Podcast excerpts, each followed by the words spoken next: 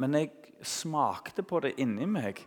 Det at folk sto på scenen, eller i det hele tatt reiste seg opp og uttrykte seg åndelig. I min familie så var ikke det så vanlig.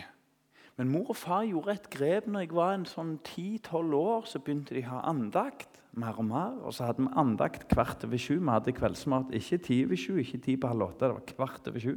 Bang. Eh, og da hadde vi andakt hver kveld.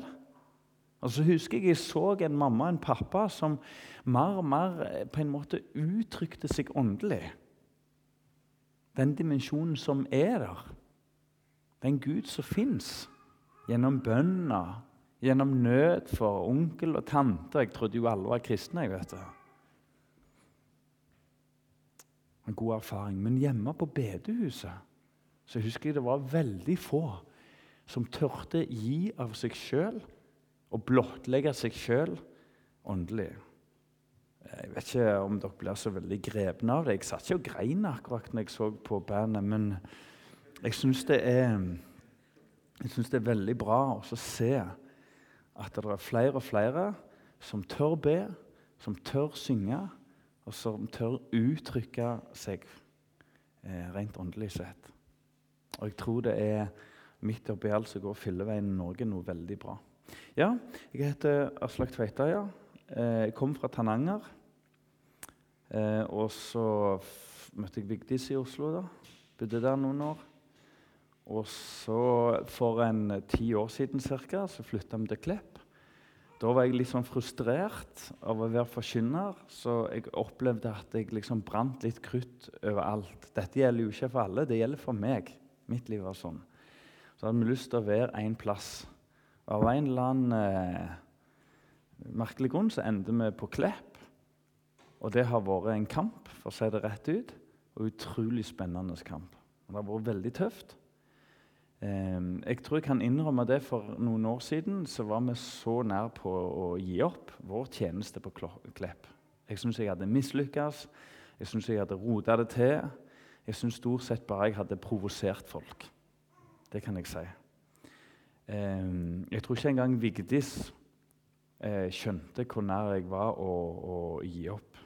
Det var så gale jeg holdt på å begynne i frikirka, har jeg sagt. Ja. Og det er ikke til forkleinelse for noen, men jeg er nok av den fordi jeg møtte veldig mye flotte mennesker på Klepp. Men jeg er nok av den formening at Bedehus-Norge er i, i Om ikke i krise, så i hvert fall godt på vei inn i en krise. Det er min oppfatning. Jeg reiste en del år som forkynner i IMF, fra Kristiansand til Finnmark også en del år i, NLM i Oslo og litt rundt forbi på forskjellige arrangement og møter og sånt. Og det ble veldig klart for meg Det er mitt, det er sånn jeg opplevde det. At Bedehus-Norge har mista den plassen de hadde, og har mista den eh, eh, påvirkningskraften de hadde eh, på Norge.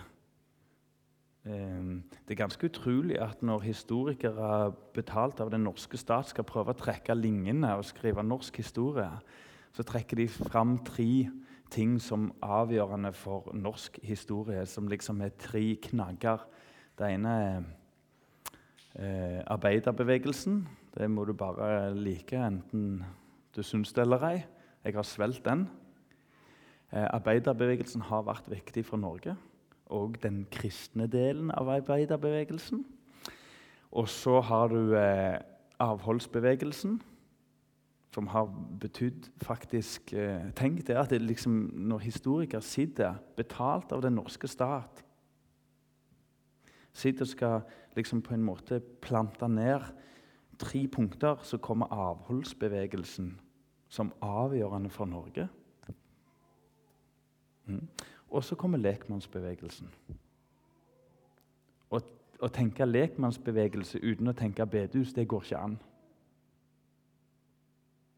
Det, det, da, har du, da, har du, da, da, har du strøket. Da har du totalt bomma. Du har ikke skjønt noen ting. da.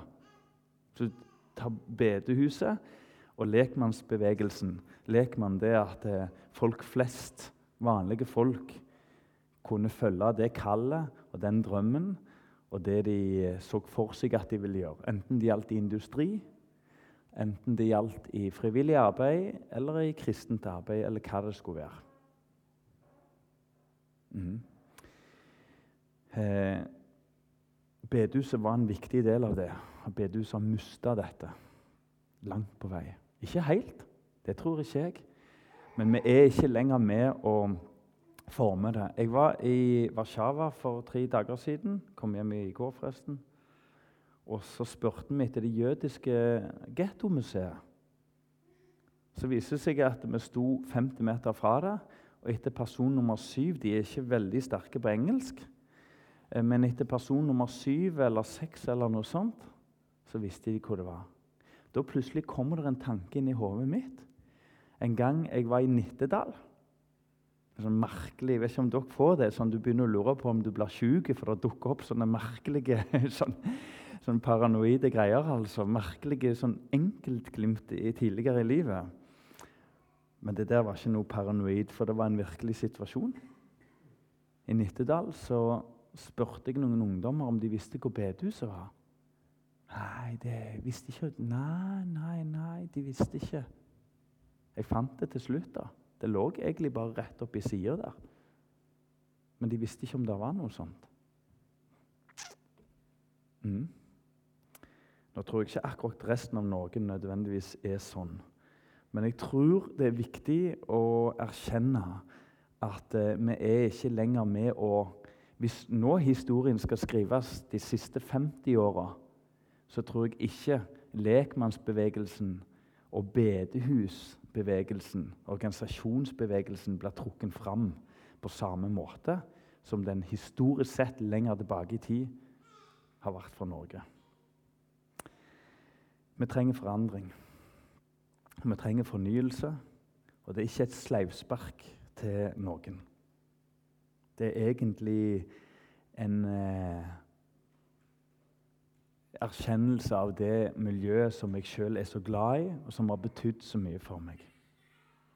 Og Jeg har bare lyst til å si en ting også, som jeg lærte på et kurs nettopp. Vær takknemlig for den frelsesveien som ble din, sa han. Det tror jeg er viktig. Vær takknemlig for den frelsesveien som ble din. Så da kan en i hvert fall begynne der. Eh, jeg har forstått at temaet for høsten har vært eh, ja, forandring. Ja? Må vi ha med det òg? forandring fryder. Ja, litt positivt. Ja, forandring fryder. Ja. Filler òg. jeg må bare gå gjennom litt en gang her. Forandring fryder. Og da endte vi fram på Snakket vi oss litt fram i telefonen på at vi lander litt på å spille hverandre gode. Jeg tror det hadde dere snakket litt om i, komiteen, møtelederkomiteen eller gruppa. eller noe sånt. Å spille hverandre gode. Jeg tror kanskje du sa 'gjør hverandre gode'. Men jeg tror det passer mye bedre med å spille, for da kan jeg lage masse nummer av det. Å spille hverandre gode. Så eh, kan jeg også bare si helt kort at jeg er pastor i noe som heter Hverdagsmenigheten Fokus på Klepp, og det er kjempegøy. Det er bare så gøy. Det blir mer og mer ting å gå inn i, mer og mer skjebner å dele, mer og mer liv som åpner seg opp. Det blir ikke enklere, men det er mer og mer spennende. Flere og flere som det viser seg har blitt kristne, og det skal jeg komme tilbake til. Men en kamp, ja. Herre Jesus, takke for uh, dette hellige fellesskapet som jeg fikk komme til nå. Så så jeg, Herre, ungene komme inn. Men jeg vet ikke riktig Gud, om jeg så dem fullt med dine øyne. Og det vil vi gjøre i bønn nå. Derfor ber vi, Herre, gi oss som er her inne, dine øyne. Så vi ser hver enkelt av barna. Og ber dem fram på søndagsskolen nå. Det ble velsigna ei åndelig stund. Helt sant som han sa. Viktigste stunda er oppe på søndagsskolen. Ber her om at de alltid må bli bevart. At vi kan slippe den utålelige sorgen og se at barna våre går en annen vei. Så mine barn, Herre, hver en av dem. Du har kalt dem ved navn. Så ber jeg, Herre, om en god fornyelse for dette fellesskapet. Legge alt fram i de hånd. Amen. Ja, spille hverandre gode. Jeg, eh, bare helt kort før vi begynner på temaet, for det går i det temaet eh, Så eh, forandring, det er, det er noe vi må snakke om hele veien i styret. Det var en som kom og ja, Det opplever jeg veldig positivt. Den kom og sa jeg har tenkt på en ting, Aslak. Han går i en annen forsamling. Han har vært veldig til støtte for meg når vi på en måte prøvde å reorganisere oss litt på Klepp bedehus.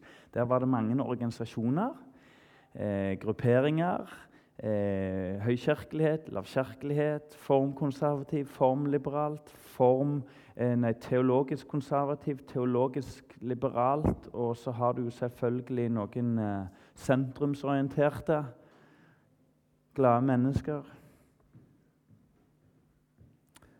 Alt dette her. Og så prøvde Vigdis å få med oss noen mennesker i det. Og til slutt så ble det sånn at vi anbefalte mennesker å gå i frikirka. Det var et nederlag. Det var et nederlag. Du går i en forsamling som du på et vis òg er glad i. Du har fått noen venner der.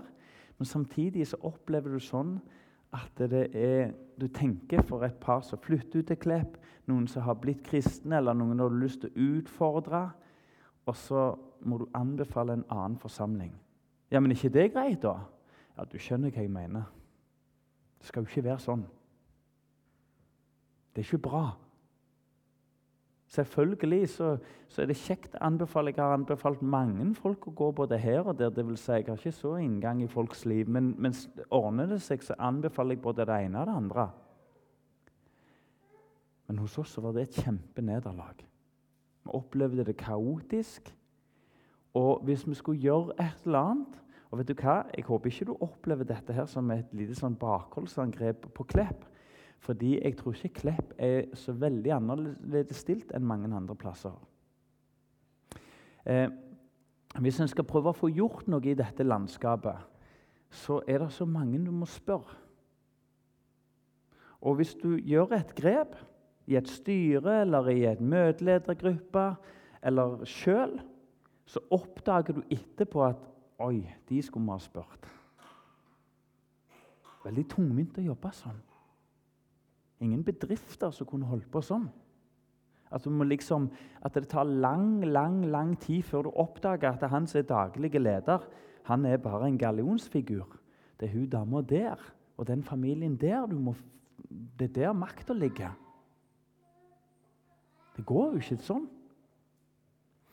Så eh, midt oppi dette her så vi, prøver vi å endre litt. Jeg leter personlig masse fram og tilbake.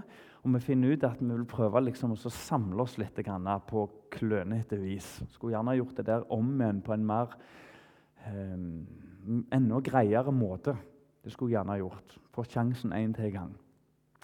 Men da var det en kompis min som sier til meg det at Aslak, du vet, jeg var jo litt kritisk på jeg syns dere gikk litt fort fram. Og jeg tror fortsatt han er kritisk. Men nå ser jeg at vi har et annet problem.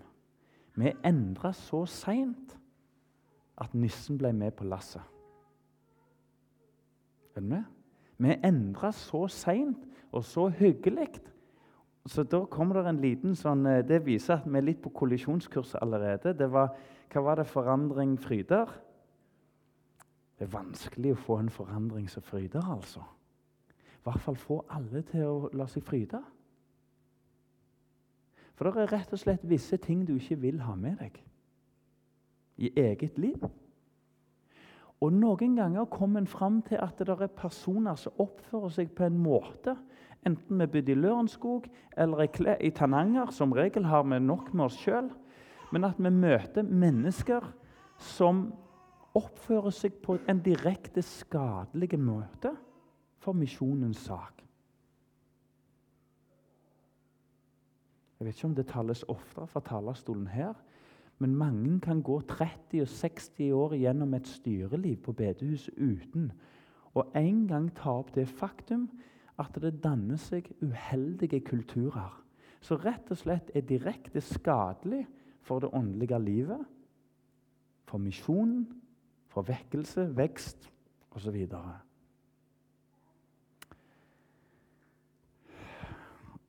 Er du et menneske som gjerne vil forandre deg så seint at nissen blir med på lasset? Det gjelder i vårt personlige liv, og det gjelder i fellesskapslivet. Vi vil gjerne endre oss, men ikke så fort at det får en konsekvens. Og så er det den andre grøfta, som gjerne vi gikk litt på Klepp. At vi endra så fort at vi mista litt folk som så gjerne hadde hatt lyst til å være med. Som egentlig så behovet og var villige til å være med og fornye fellesskapet. Det er jeg nødt å erkjenne. Å spille hverandre gode eh, valgte ordet et spill, for det passer best. Og kanskje spesielt et fotballspill. Kanskje jeg skuffer noen nå, men får du bare prøve å ta konkurranseinstinktet ditt og putte det i det du har. Jeg spurte Vigdis hva det måtte være, og så så hun ganske tørt på meg og sa strikking. Jeg klarer ikke helt se den, men et eller annet får du bare overføre. Et, en idrett, et spill, som du er interessert i. Jeg vet Det er jo mange som driver med noe sånn på de der iPadene, sånn du fyller inn bokstaver og sånt. Jeg ser overhodet ikke poenget, men der er det litt konkurranse, har jeg skjønt. Et spill. Um, fotball er et aggressivt spill. Noe av det verste jeg vet. Jeg tror jeg setter det på punkt nummer to. Noe av det verste jeg vet, er å spille med sånne tap og vinn med samme sinn. Åh. Liksom et mål fram, et mål tilbake. Da får jeg helt nøye. For hele poenget er jo å vinne. Og halve poenget er å se de andre tape. Det siste passer ikke inn i talen. Og kan vi nevne med en gang at dette er, en, dette er, et bilde, og bilder har alltid en svakhet. og Spesielt fotball har utrolig mange svakheter. Fotball er egentlig bånn i bøtta, som det har blitt etter hvert. Det er penger, det er intriger, og det er bare tullball. Men litt kjekt òg. I hvert fall så tap og vinn med samme sinn da, da, da, da, krasjer jeg totalt, altså. Jeg må bare advare folk at jeg er ikke verdens kjekkeste på en fotballbane av og til. Jeg kan av og til dette litt igjennom, som jeg sier til meg sjøl. Rent sånn holdningsmessig. Men å spille med sånne der folk som det betyr null og niks, altså. Hvorfor er du her da? Da får jeg plutselig et sånn glimt av nummer én av det verste jeg ser på en fotballbane. Det er sånne som har en nedlatende holdning til andre. Sånn sender signal 'gå hjem'-signal. Jeg får en smak av det. I Guds rike er det òg mange som har det. Vanna rivel. Har du snakket med vennene dine om hvordan de tenker om livets to utganger? Hva betyr fortapelse? Helvete, helvete Jeg vet ikke om du husker den samtalen, debatten som gikk til og med i VG for et år eller to siden. Det var en eh, kar som satt um, kikket på, på ei badestrand en plass i Norge. En eldre kar. Bare se for deg en sånn bestefar som er med, for bestemor har sagt han skal være med. Kikker han utover stranda, og så ser han plutselig at det ligger og dupper noe i sjøen. Og Så begynner han å gå ned og legger ut på spring og begynner å rope. Og kaster seg ut i sjøen og drar opp en gutt som ligger feil vei. Først han gjør, det er han drar han opp, så spytter gutten ut vann og, og, og hoster. og hadde rett og slett stoppa å puste. Og får jo pusten igjen nesten med en gang. Så springer han opp til en nabo med han. For dette her var ei lokale strand. De kjente hverandre rimelig greit. Så springer han opp til de som eide, for han visste hvem, hvem, hva gutten var, og leverer han til naboen. Fra den dagen var det vennskapet slutt, fram til dags dato. De ble så fornærma. De reagerte med vantro. Nei, det var ingenting galt. De hadde fulgt med. Og så ble det til og med satt ut et rykte i den bygda om at han hadde konstruert en historie om at denne gutten holdt på å drukne. Um, dette ble jo egentlig helt forferdelig for han. For han var ikke den typen som samla folk ned på samfunnshuset for å ordne opp og finne ut hva som skjedde. Men han eh, ble forklart det at antageligvis fikk de sjokk. altså. De innså ikke alvoret i situasjonen av og til glemmer vi hva det handler om. Liv og død. Det hender av og til jeg sitter på en kafé. Det hender av og til jeg er på jobb. Det hender av og til Gud når meg, og så sier meg 'Han du snakker til nå, er dyrebar for meg'. Har du den opplevelsen på ditt vis? Jeg vet ikke hvordan Gud fortalte deg, men for Gud minnet deg om det. Jeg måtte ta et oppgjør for et par, to-tre år siden. For den nøden som jeg hadde når jeg var 18-19 år og traff mennesker. Og jeg tørte spørre dem er du kristen. Den er nesten vekke. Det handler om alt det andre. Helt til det punktet er du en kristen. Kjenner du Jesus? Er du frelst? Det er rett og slett fordi en har mista perspektivet. I Matteus 7, hvis vi klarer å få opp det, og vers 13 og vers 14, så står det rett ut i verdens viktigste tale som noen gang er holdt, og verdens mest berømte Gå inn gjennom den trange porten. For vi er den porten, og brei er den veien som fører Altså, den leder en eller annen plass til fortapelsen. Og så står det rett ut noe som overrasker mange kristne. Og mange er de som går inn gjennom den. Men trang, står det, er den porten, og smal er den veien som fører til livet. Og få er de som finner den. Det er en realitet. Livet har to utganger. Jeg var sammen med en slektning i sommer. Til slutt så spør han meg Aslak, om du vil noe mer med denne turen? Jeg holdt på å synke gjennom jorda. Jeg ble så flau. Jeg hadde ikke sagt noe. Hvor har du det fra, sier jeg. Jeg gikk rett i Forsvaret. Hvor har du det ifra? Jeg er jo pastor og kristen, men jeg har ikke, har jeg, har, vi har jo nesten ikke snakket om kristendom på denne turen. Nei, jeg bare lurte, sier han. Og så opplever de det som et flott gjennombrudd.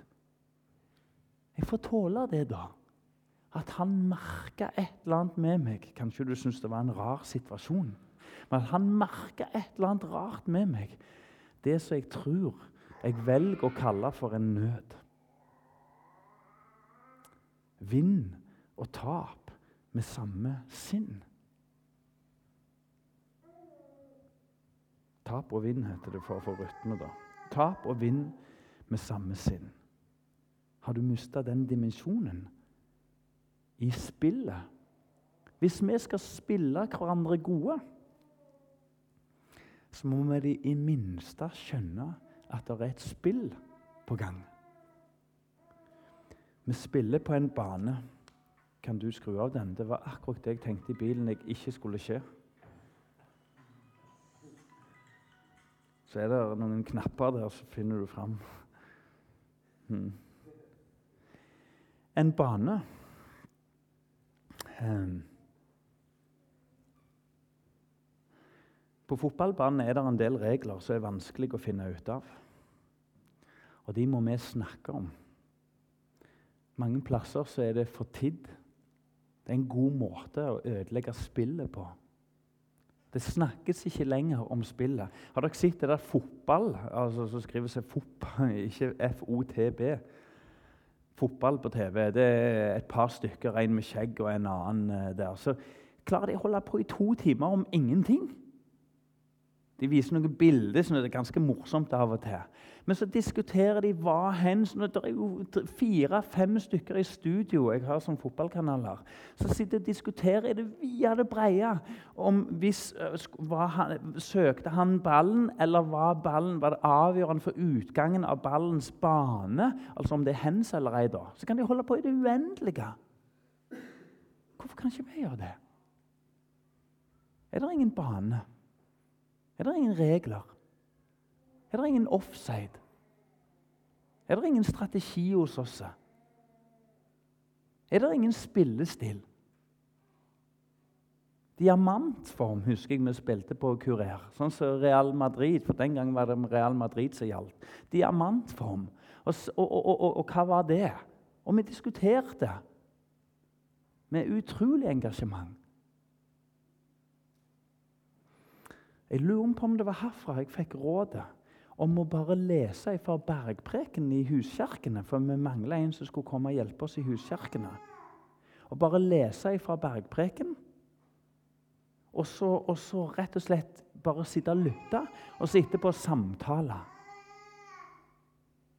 Bergpreken er så jordnær som bare det. Det handler om livet her nede på jord. Sånn skal du gjøre, sånn skal du ikke gjøre, for sånn gjør hyklerne. Men sånn skal dere gjøre. Så jordnært, så spennende. En samtale om banen og banens spill.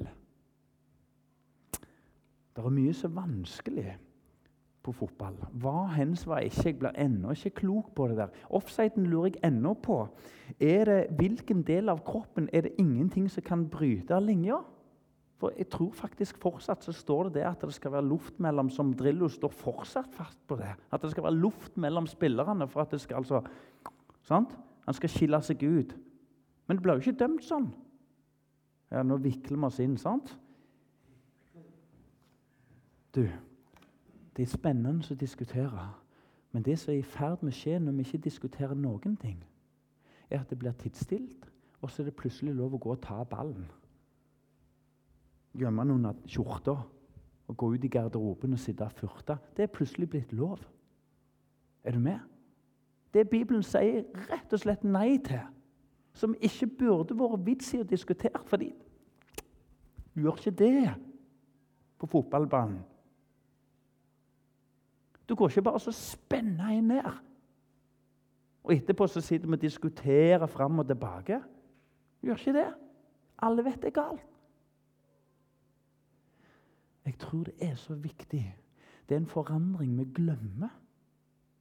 Ofte går det i hvordan skal vi få med flere og ene med det andre. Og så ser vi for oss en forandring som ikke gjelder oss sjøl.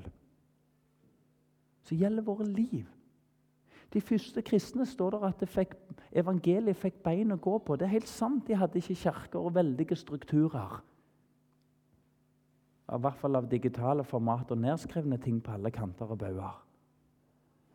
Men de hadde annerledes liv. Har du lest brevet til Diogner? Hm? Han sammenligner livsstilen i den byen de har, og så ser han de kristne de lever ikke sånn. De skiller seg radikalt ut.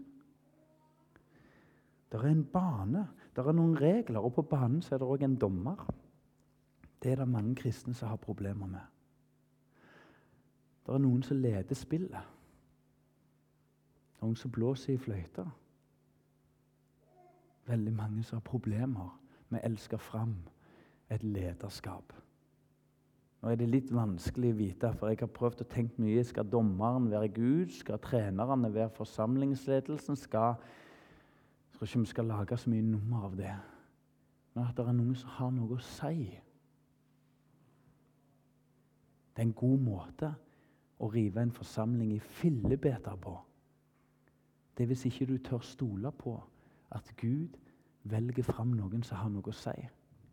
Ikke sånne som ikke blir kritisert på noe plan, men at noen får lov og får tillit og får ansvaret for å lede.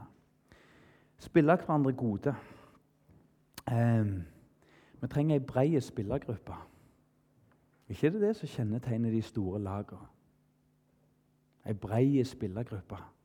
Ofte så står det det at de kunne vært et vinnerlag. Strømsgodset tror jeg fikk den eh, forutsigelsen i år. De kunne vært et vinnerlag, men de har for tynne spillergrupper. Så hvis noen blir syke eller skada, så er det over og ut. Vet du hva? Det er jo, det er jo rett hjem i bedehuslandskapet. Du må spørre de samme for å få en ting gjort. Noen få gjør alt. 20-80-regelen kjenner du sikkert til. Det er 20% som står for alt, og resten av 80% kommer og tar del i det 20% har slitt seg ut for å gjøre.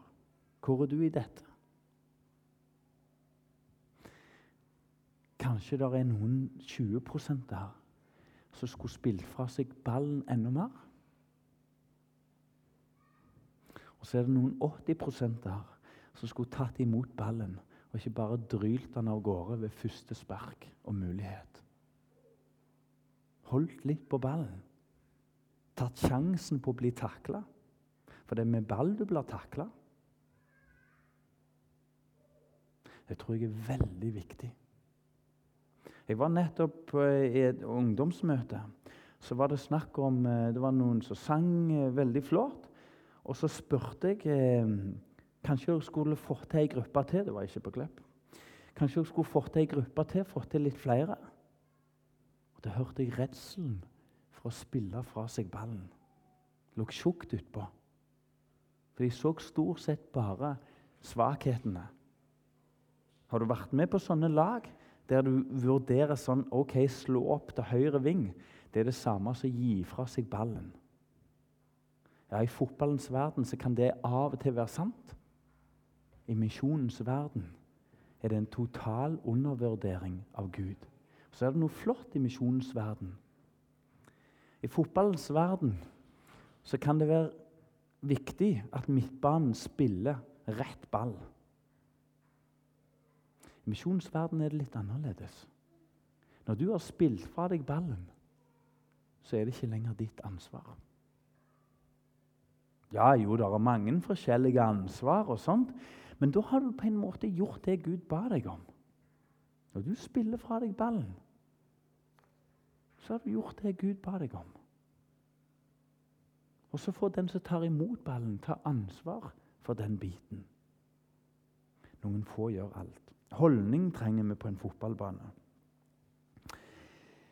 Gode holdninger, er det ikke det han snakker om, han der svenske landslagstreneren? Jeg tror han var i Rosenborg en stund. Attitude snakket han om. Svenskene har sånne utrolige engelskord. Attituden snakket han om. De gode holdningene. Hva holdning har du til dette fellesskapet? Til kristendom i det hele tatt sitt fellesskap? Er du her i dag fordi at du liker de som er på dette laget, og trives sammen med ganske mange av de? Eller er du her fordi du rett og slett trenger å spille fotball?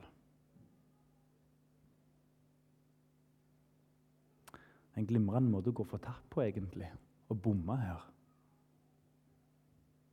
Jeg påsto mens jeg var forkynner, etter hvert som jeg var 18-19-23 år, og begynte å se et mønster for jeg leide etter undersøkelser, og jeg fant altfor få helt til søndagsskole. Nei, laget kom inn med, og sammen med søndagsskole hadde en liten undersøkelse om frafallsprosenten. Jeg husker når jeg gikk på bedehuset, snakket om de farlige tenåra. En glimrende måte å falle fra på i den alderen vi er nå. Hvis dere fortsetter å gå,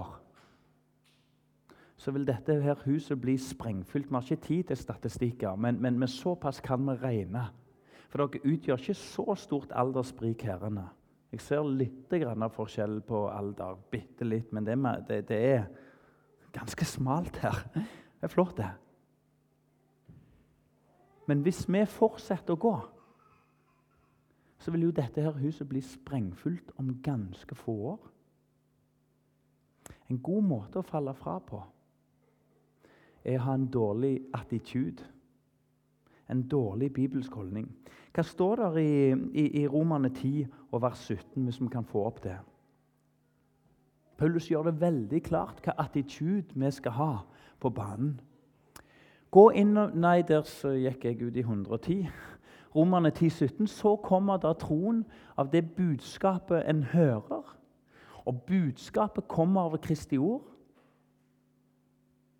Og budskapet kommer av Kristi ord. Du trenger treninga. Klokka åtte i kveld skal vi ha trening. Jeg er begynt å bli så gammel at det handler ikke fullt så mye om jeg liker de jeg spiller med. Det begynner å gå opp for meg at jeg trenger den treninga. Jeg håper du ikke er så umoden i ditt åndelige liv at ikke du ennå nå har sett. Vennene her er viktig, men de er på langt nær så viktige som behovet for å være der ikke forkynnelsen er, men hørelsen er. Forkynnelsen kommer unna hørelsen. Paulus retter opp litt her. Så kommer da troen av forkynnelsen, sier han. Men så trekker han en konklusjon. Så kommer da troen av det budskapet en hører. Det viser hvor vidt vi kan tenke i Guds rike. Trenger ikke stå foran på en talerstol. Nei, en gjør ikke det. Bare du har den rette attituden. At du er der du får hørt Guds ord. Vet du hva som går opp for meg på Klepp? Ganske mange mennesker er ganske så skadeskutt når det gjelder kristen forkynnelse. Jeg spør enkeltmennesker hvor kommer du fra. Jeg er gjerne litt feil til det. Hvem er du? Og så, når jeg føler jeg har vist nok interesse for de andre tingene, så spør jeg det høres fælt ut. Så spør jeg eh, har du gått i noe fellesskap. da? Noe kristen, noe kirke, noe sånn? Og så kommer ofte svaret jo, jeg går i krikk. Jeg går i krikk. Så begynner jeg å bli mer kjent med dem. Krikk for dem var at de var på en krikkfestival, en familiefestival for seks år siden. Det var egentlig det som var deres fellesskap. Så når du begynner å undersøke, så er det altså både 10, 12 og 15 år siden en egentlig gikk i et fellesskap. Vi hadde nettopp en som sto fram hos oss. Jeg har spurt han om å fortelle dette, her, for jeg har fortalt det flere plasser. Han sitter nå i styret hos oss. Så går han fram med tårene i øynene. Og så sier han strigrein, for å si det rett ut. Og så sier han det, vet du hva? Jeg var egentlig på vei bort fra Gud. Og jeg var på vei bort sammen med kona mi. Vet du hva? Akkurat i kveld så skal du ikke bry deg så mye om hvor mye vennene dine betyr for deg. Akkurat i kveld så skal Gud få planta ned et sug og et behov etter å høre. Jeg husker ennå mormor sa ja, du vet, vi kristne vi har behovet for å lytte med. Det er et kjennetegn, det, sa mormor. Det er et kjennetegn, det. Og Jeg har jo lest i så mange andakter. Jeg syns de gikk litt langt husker jeg når jeg var yngre. Jeg synes de trakk det for langt og, og gjør det til et kjennetegn.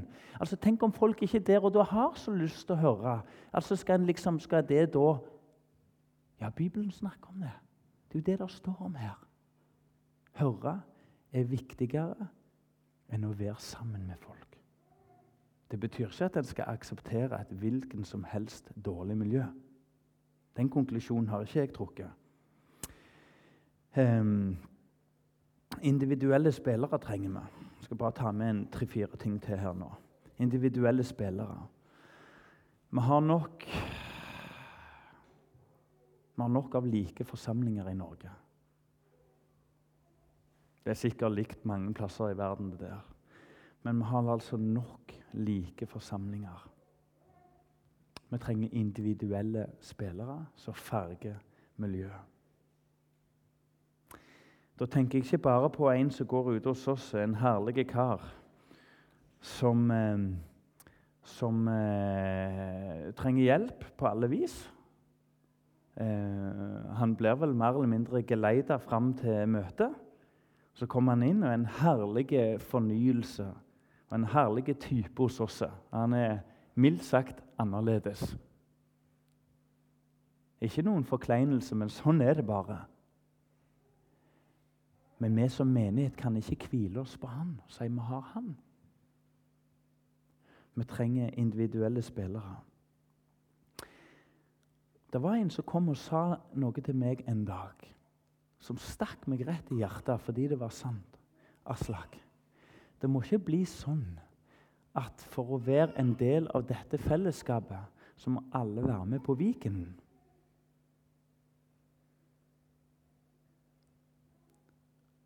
For meg så gikk det for langt. Det ble nærmest en sånn målestokk. Er du skikkelig med, tar du skikkelig del i fellesskapet her, så er, du, så er liksom selve Viken Da viser du hvor du står. Og vi vet i hvert fall hvor de står i. Og vet du hva?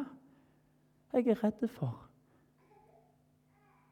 Jeg er redd for at jeg må erkjenne en synd. Og det er det at jeg har egentlig gått og strålt ut det til de menneskene som rett og slett ikke trives på Viken. Men gjerne vil være en del av fellesskapet. Men ikke akkurat Viken. Ja. Det er mennesker som får nøye av å dra på Viken. Det tapper de for krefter. De trenger å dra to uker på, på, på, på, på rekk hjem for å komme seg etter hvordan det var å være på en Viken. Jeg setter litt på spissen, men det fins mennesker som har det sånn. Men Viken på Fokus hverdagsforsamling ble nærmest som en sånn målestokk. Der ser vi der ser vi hvem vi kan regne med. Tullball! Er det sånne ting her? At han har gjort seg opp noen sånne uheldige små ting som blir en sånn målestokk for om du er med eller ei. Så sitter folk her inne, eller som gikk her inne. Jeg vil være med. Men ikke akkurat på det punktet. Og det er viktig. Vi trenger all slags spillere motivasjon og oppmuntring er viktig. Um, der jeg dessverre faller på fotballbanen. Jeg kan være både tror jeg, oppmuntrende, og så kan jeg eh, gjøre at folk har lyst til å gå hjem og aldri mer spille fotball. Vi var i Warszawa-gettoen. Helt utrolig. 480 000, 380 000 sulta i hæl. Det begynte en plass. Det begynte med at noen gikk og holdt et skilt som sier at jøder skulle gå bare på ene sida av gata. Og foran den vanvittige tanken der så begynte det noe før der igjen som heter de og vi. Når en graderer. La det bare være klart. Du og jeg, der er bare én gruppe mennesker. Og det er fortapte mennesker som er på vei bort fra Gud. På jorda, fra Guds, fra Bibelens ståsted. Det er ikke én rettferdig, sier romerbrevet. Ethvert menneske det, det er samme, det samme, samme greie. Selv om Gud har en øyensten i hver av oss, så er det samme greiene. Det er ingen rettferdige. Um, ting begynner en plass. Jeg vet ikke du, hvor mye du kjenner til prognomene og, og, og, og, og treblinka. Jo, vi kjenner vel en del til det. Men elendigheten begynner en plass. Jeg tror ikke vi akkurat sender folk til Treblinka i norske bedehus. Vi er ikke kommet der hen. Men han sa noe der nede. Han så, og nå datt navnet ut, men han som samla alle arkivet De lagde tre arkiv for at de skulle liksom, tyskerne som var flinke å arkivere ting, ikke skulle skjule det likevel. Så lagde de sine egne arkiv. Det var spesielt en, en jøde som ikke husker navnet med Blum et eller annet greier så spadde de ned tre arkiv rundt forbi. Og han skrev i innledningen til det ene arkivet de fant, at når nøden er stor Og nå snakker vi om en nød som du og jeg ikke kan forstå. Barn som ligger i gata og bare hengitt til seg sjøl. Når nøden er stor, trenger man poesi mer enn mat, sto der tenkte, Går det an å si noe sånt? Det er jo mat de trenger. Det er jo mat de trenger. Gi dem mat! Nei, vet du hva? Når nøden er så stor, så forteller han der egentlig oss at de menneskene kjenner på eksisti, eks, ja, grunnleggende, som vi kaller det når vi prøver på vanlige ord, grunnleggende behov. Hvem er jeg? Hva trenger jeg? Hva gikk galt? Ordføreren, lederen som ble valgt, den siste da, før de ble tatt av dage alle, han konkluderte til slutt. Alt håp er ute. Jeg vil bare dø. Det var det siste han skrev. Alt håp er ute. Jeg vil bare dø. Satt veldig på spissen. Vi er ikke der. Men i et åndelig øye med så trenger vi et håp. Trenger noe å strekke oss etter. Vi trenger oppmuntring. Mor har aldri blandt seg inn i min forkynnelse. Det skulle hun nok ha gjort. Men én gang gjorde hun det. Aslak, min erfaring er at mennesker trenger først og fremst trøst og oppmuntring i Norge i dag. Og vet du hva? Det er sant. Noen små historier, noen små ting å strekke seg etter. Jeg glemmer aldri når meg og Vigdis satt oppe på Vi hadde bygd hus, vi hadde starta menigheten, tatt på oss for mange ting. Jeg lurte på om vi egentlig hadde bare lagt grøt og rot. Så kommer det 40-50 stykker ned bakken bak huset. De hadde parkert bilene en annen plass. Og Så synger de en sang utfor døra. Og så ga de oss en gave. Da var jeg blakk som ei kjerkerotte. Så ga de oss en gave, en tur til Jeg husker ikke hvor vi var engang. Det betyr null for meg. Men den gaven glemmer jeg aldri. Oppmuntringen. Dette vil vi være med på. Dette ser vi er kjekt. Um, har du fått en oppmuntring? Sist søndag så hadde vi fokusgudstjeneste.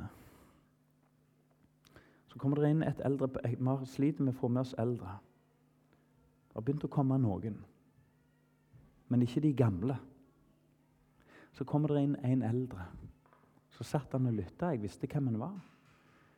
Fire dager etterpå så døde han. Det var en oppmuntring fra Gud. Da kom en eldre til oss. Det var en som ville være med oss. For deg er det gjerne helt sånn rart. For meg så ble det veldig stort. Han gikk der. Og han ville vise en støtte til oss. Etterpå fikk jeg vite at han syntes at flere av de eldre burde ha støtta det vi har prøvd å få til. Nå er han død. ikke det flott? Ikke at han er død, men det tegnet jeg fikk. Sånn liten filleting.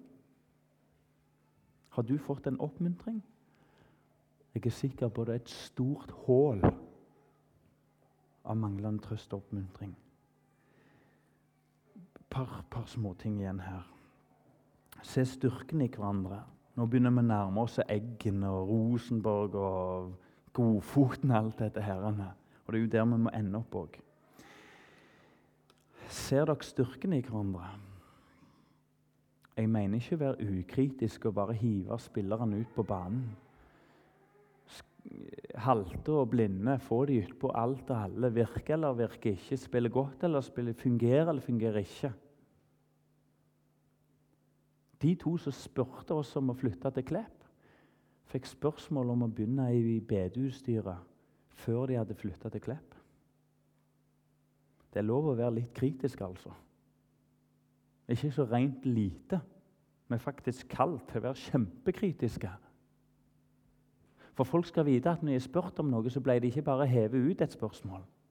Var for noen trodde at du dugde til det.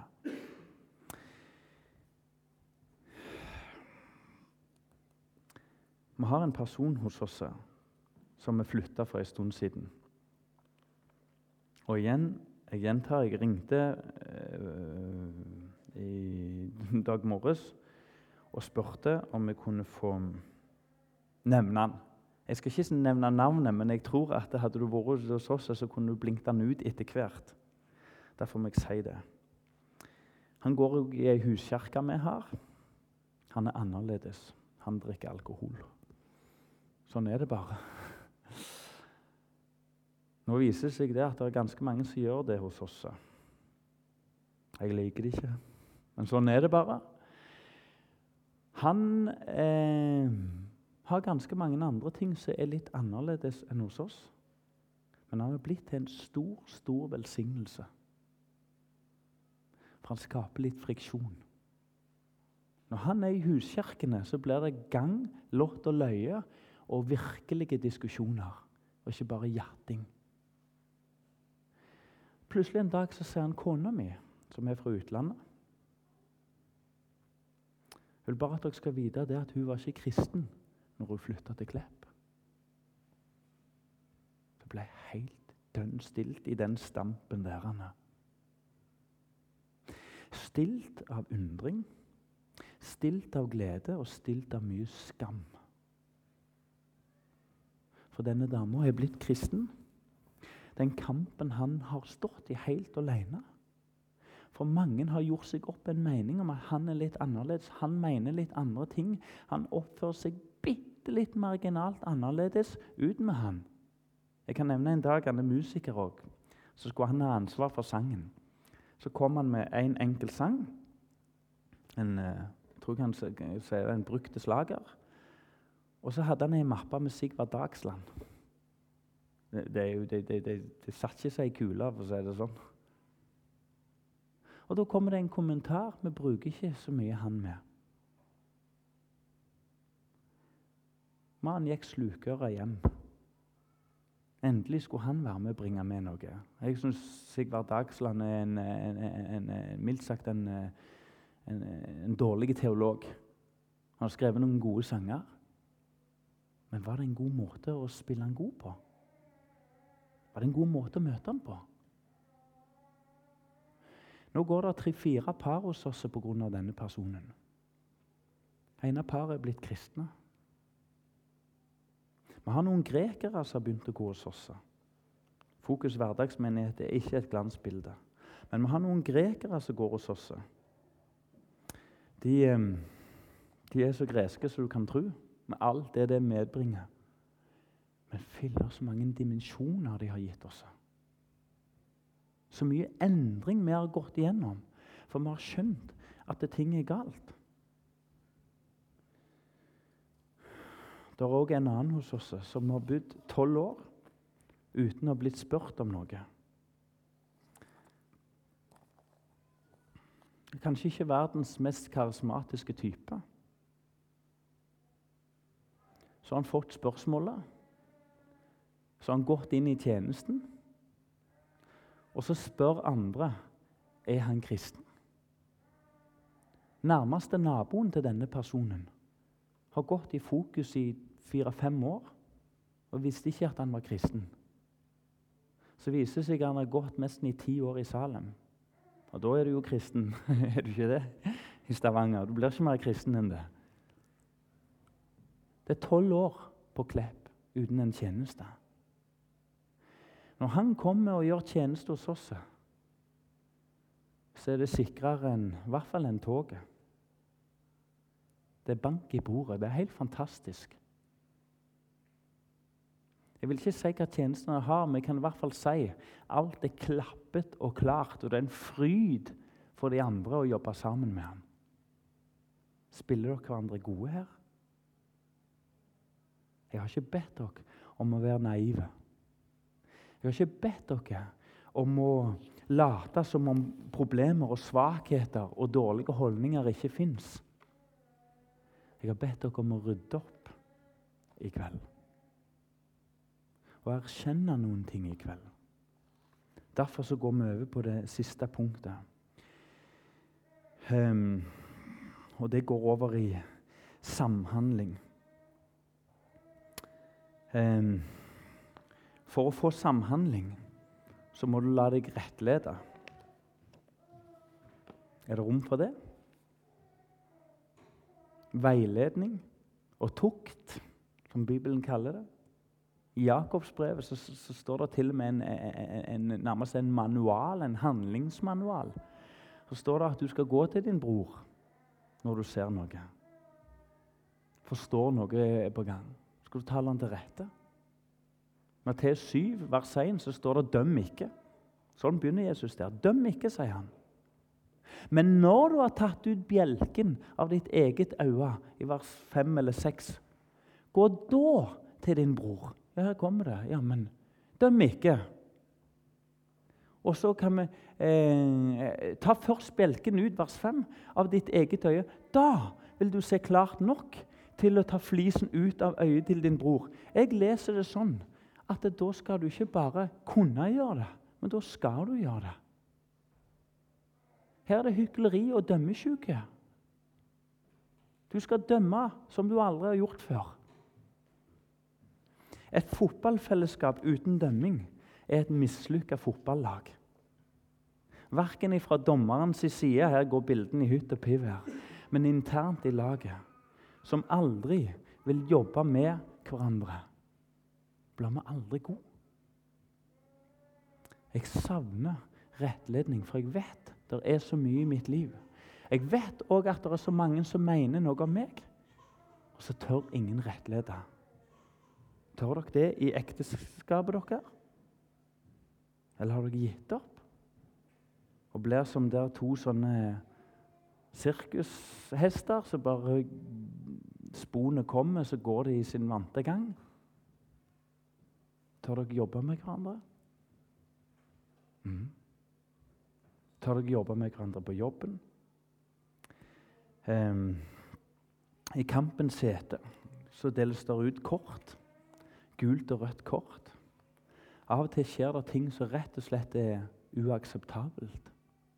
Da kan det hende at du den personen skal tørre å være kaptein og kaste deg inn og mene noe om det. Noen mennesker inntar en offerrolle Husker dere Italia for noen år siden? Faktisk så er den mer eller mindre blåst på italienske kamper. Jeg tror de har gjort noe med det. Publikum forsvant. De datt jo bare du så på dem. Det var jo umulig å spille mot Italia. De skårte ett mål. De forsøkte alltid på et tidlig mål, fullt press fra begynnelsen av. Så la de seg bakpå. Og da handla resten av kampen om at dette har det fryktelig vondt. Og Det er utrolig mange som har dette ned i Guds rike. Offerrollen. En vanvittig offerrolle. Kanskje du er der?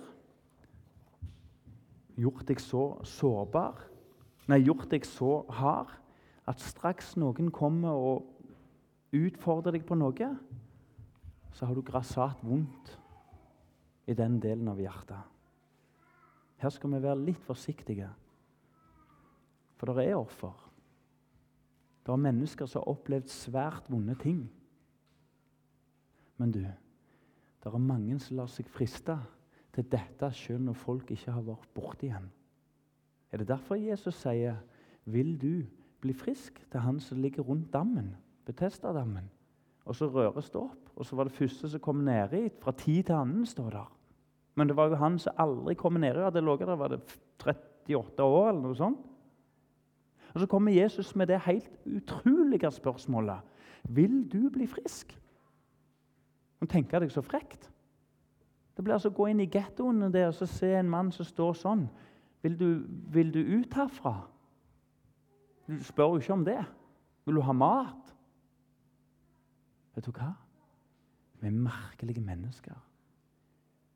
Av og til så kan det bli sånn at vi syns vi har fordeler av å ligge nede. Av og til begynner vi å dyrke sykdommen. Av og til begynner vi rett og slett å se muligheten i splittelsene.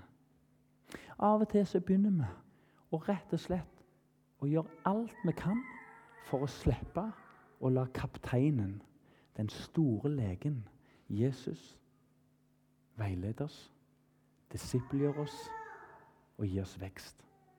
Det er bare ett dilemma i ditt liv, og det er det at Gud har for vane å bruke medspillere for å formidle sin rettledning. Jeg tror dette er noe av det viktigste som må til i norske forsamlinger og bedehus skal vi få vekst. Veiledning, rettledning. Det kan til og med virke motiverende. Og Alt dette her må jo ende opp i samhandling. Johannes kapittel 13 vers 35. Da leser vi det og avslutter med det bibelverset. Samhandling. Johannes 13 og vers 35. Kan vi få det? Um, I hvert fall så har jeg tatt noen knipper av ting. Kanskje du syns at det, eh, her mangler det jo store hull. Hadde vi hatt mer tid, skulle vi sett oss i ring og snakket om, enda mer om den store kapteinen. Han som setter mot de spillerne. Han som sier at eh, hvis jeg får frigjort dere, så blir dere virkelig fri. Så dere Viking for et halvt år siden? De sprang jo bort, de, de kunne jo ikke slå tre pasninger til hverandre. Men hvis du spiller mot dem i kveld, skal jeg spille mot en som har spilt på Viking. Jeg får ikke låne ballen av han. Og han var bare så vidt innom Viking. Han var ikke god nok. Han er så god. Men når du ser på Viking, maken til frykt for en stund siden Du var jo livredd utpå der. Det er min vurdering, da. Jesus setter mot og frihet og spiller gode pasninger til folk. Så gode at Johannes-sønnene gikk fra å være tordensønner til å bli kjærlighetens apostler. Så gode spilte Jesus disiplene sine. Det, dette her leder opp i samhandling til slutt. Og så får du legge til dine pasninger. Og så får vi ønske og be om at resultatet Ved dette skal alle forstå at dere er mine disipler. At dere har kjærlighet til hverandre. Det selger. Du, men det selger. Det må folk ha. La oss spille hverandre gode.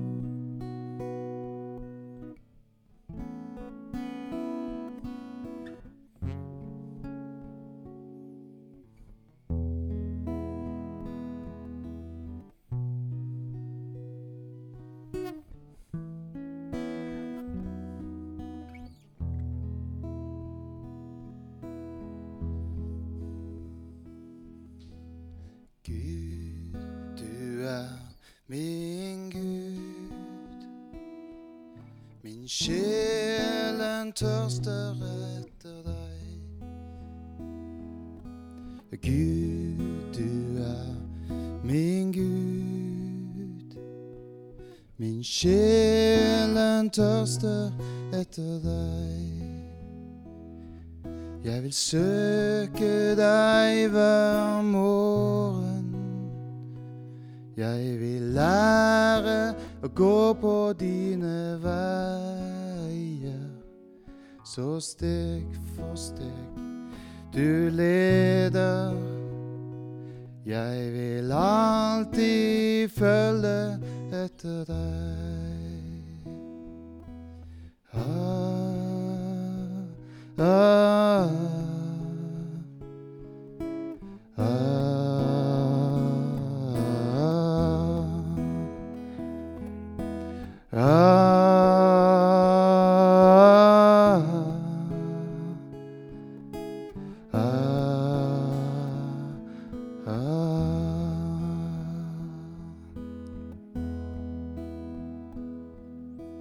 Gud, du er min Gud. Ja, min sjelen tørster etter deg. Ja, Gud, du er min Gud. Ja, min sjelen tørster etter deg. Jeg vil søke deg hver morgen. Jeg vil lære å gå på dine veier, så steg for steg du leder. Jeg vil alltid følge etter deg. Så steg for steg du leder. Jeg vil alltid følge etter deg. die.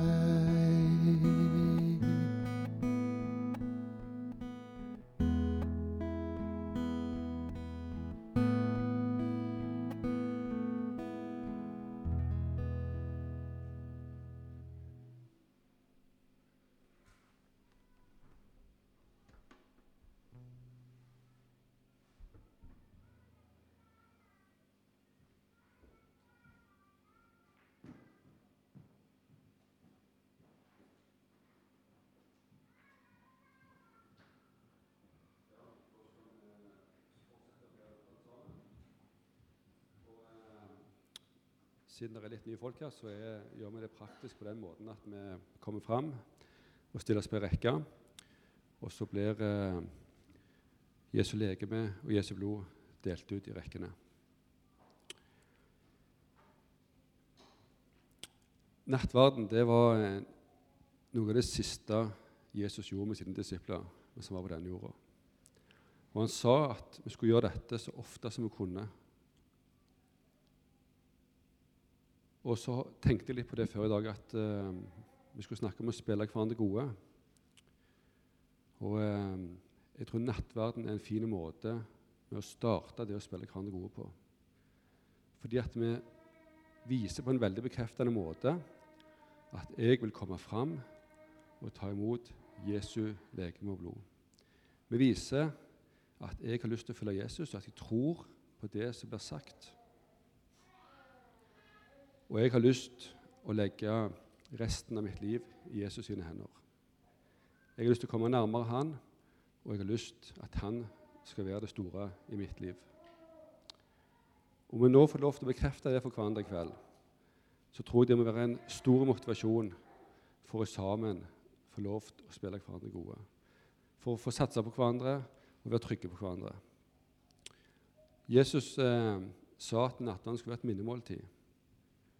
For at vi skulle minnes at han døde for oss, og vi skulle minnes at han har stått opp igjen og venter på oss i himmelen, og vil bruke oss som hans disipler her på jorda, mens vi ennå er her.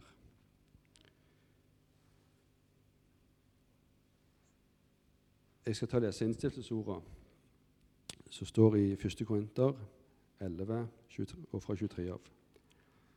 For jeg har mottatt fra Herren det jeg også har overgitt til dere. I den natt da Herren Jesus ble forrådt, tok han et brød, takket, brøt det og sa:" Dette er min kropp, som er for dere. Gjør dette til minne om meg. På samme måte tok han begeret etter måltid og sa:" Dette begeret er det nye pakt i mitt blod. Hver gang dere drikker av det, gjør det til minne om meg. For hver gang dere spiser dette brødet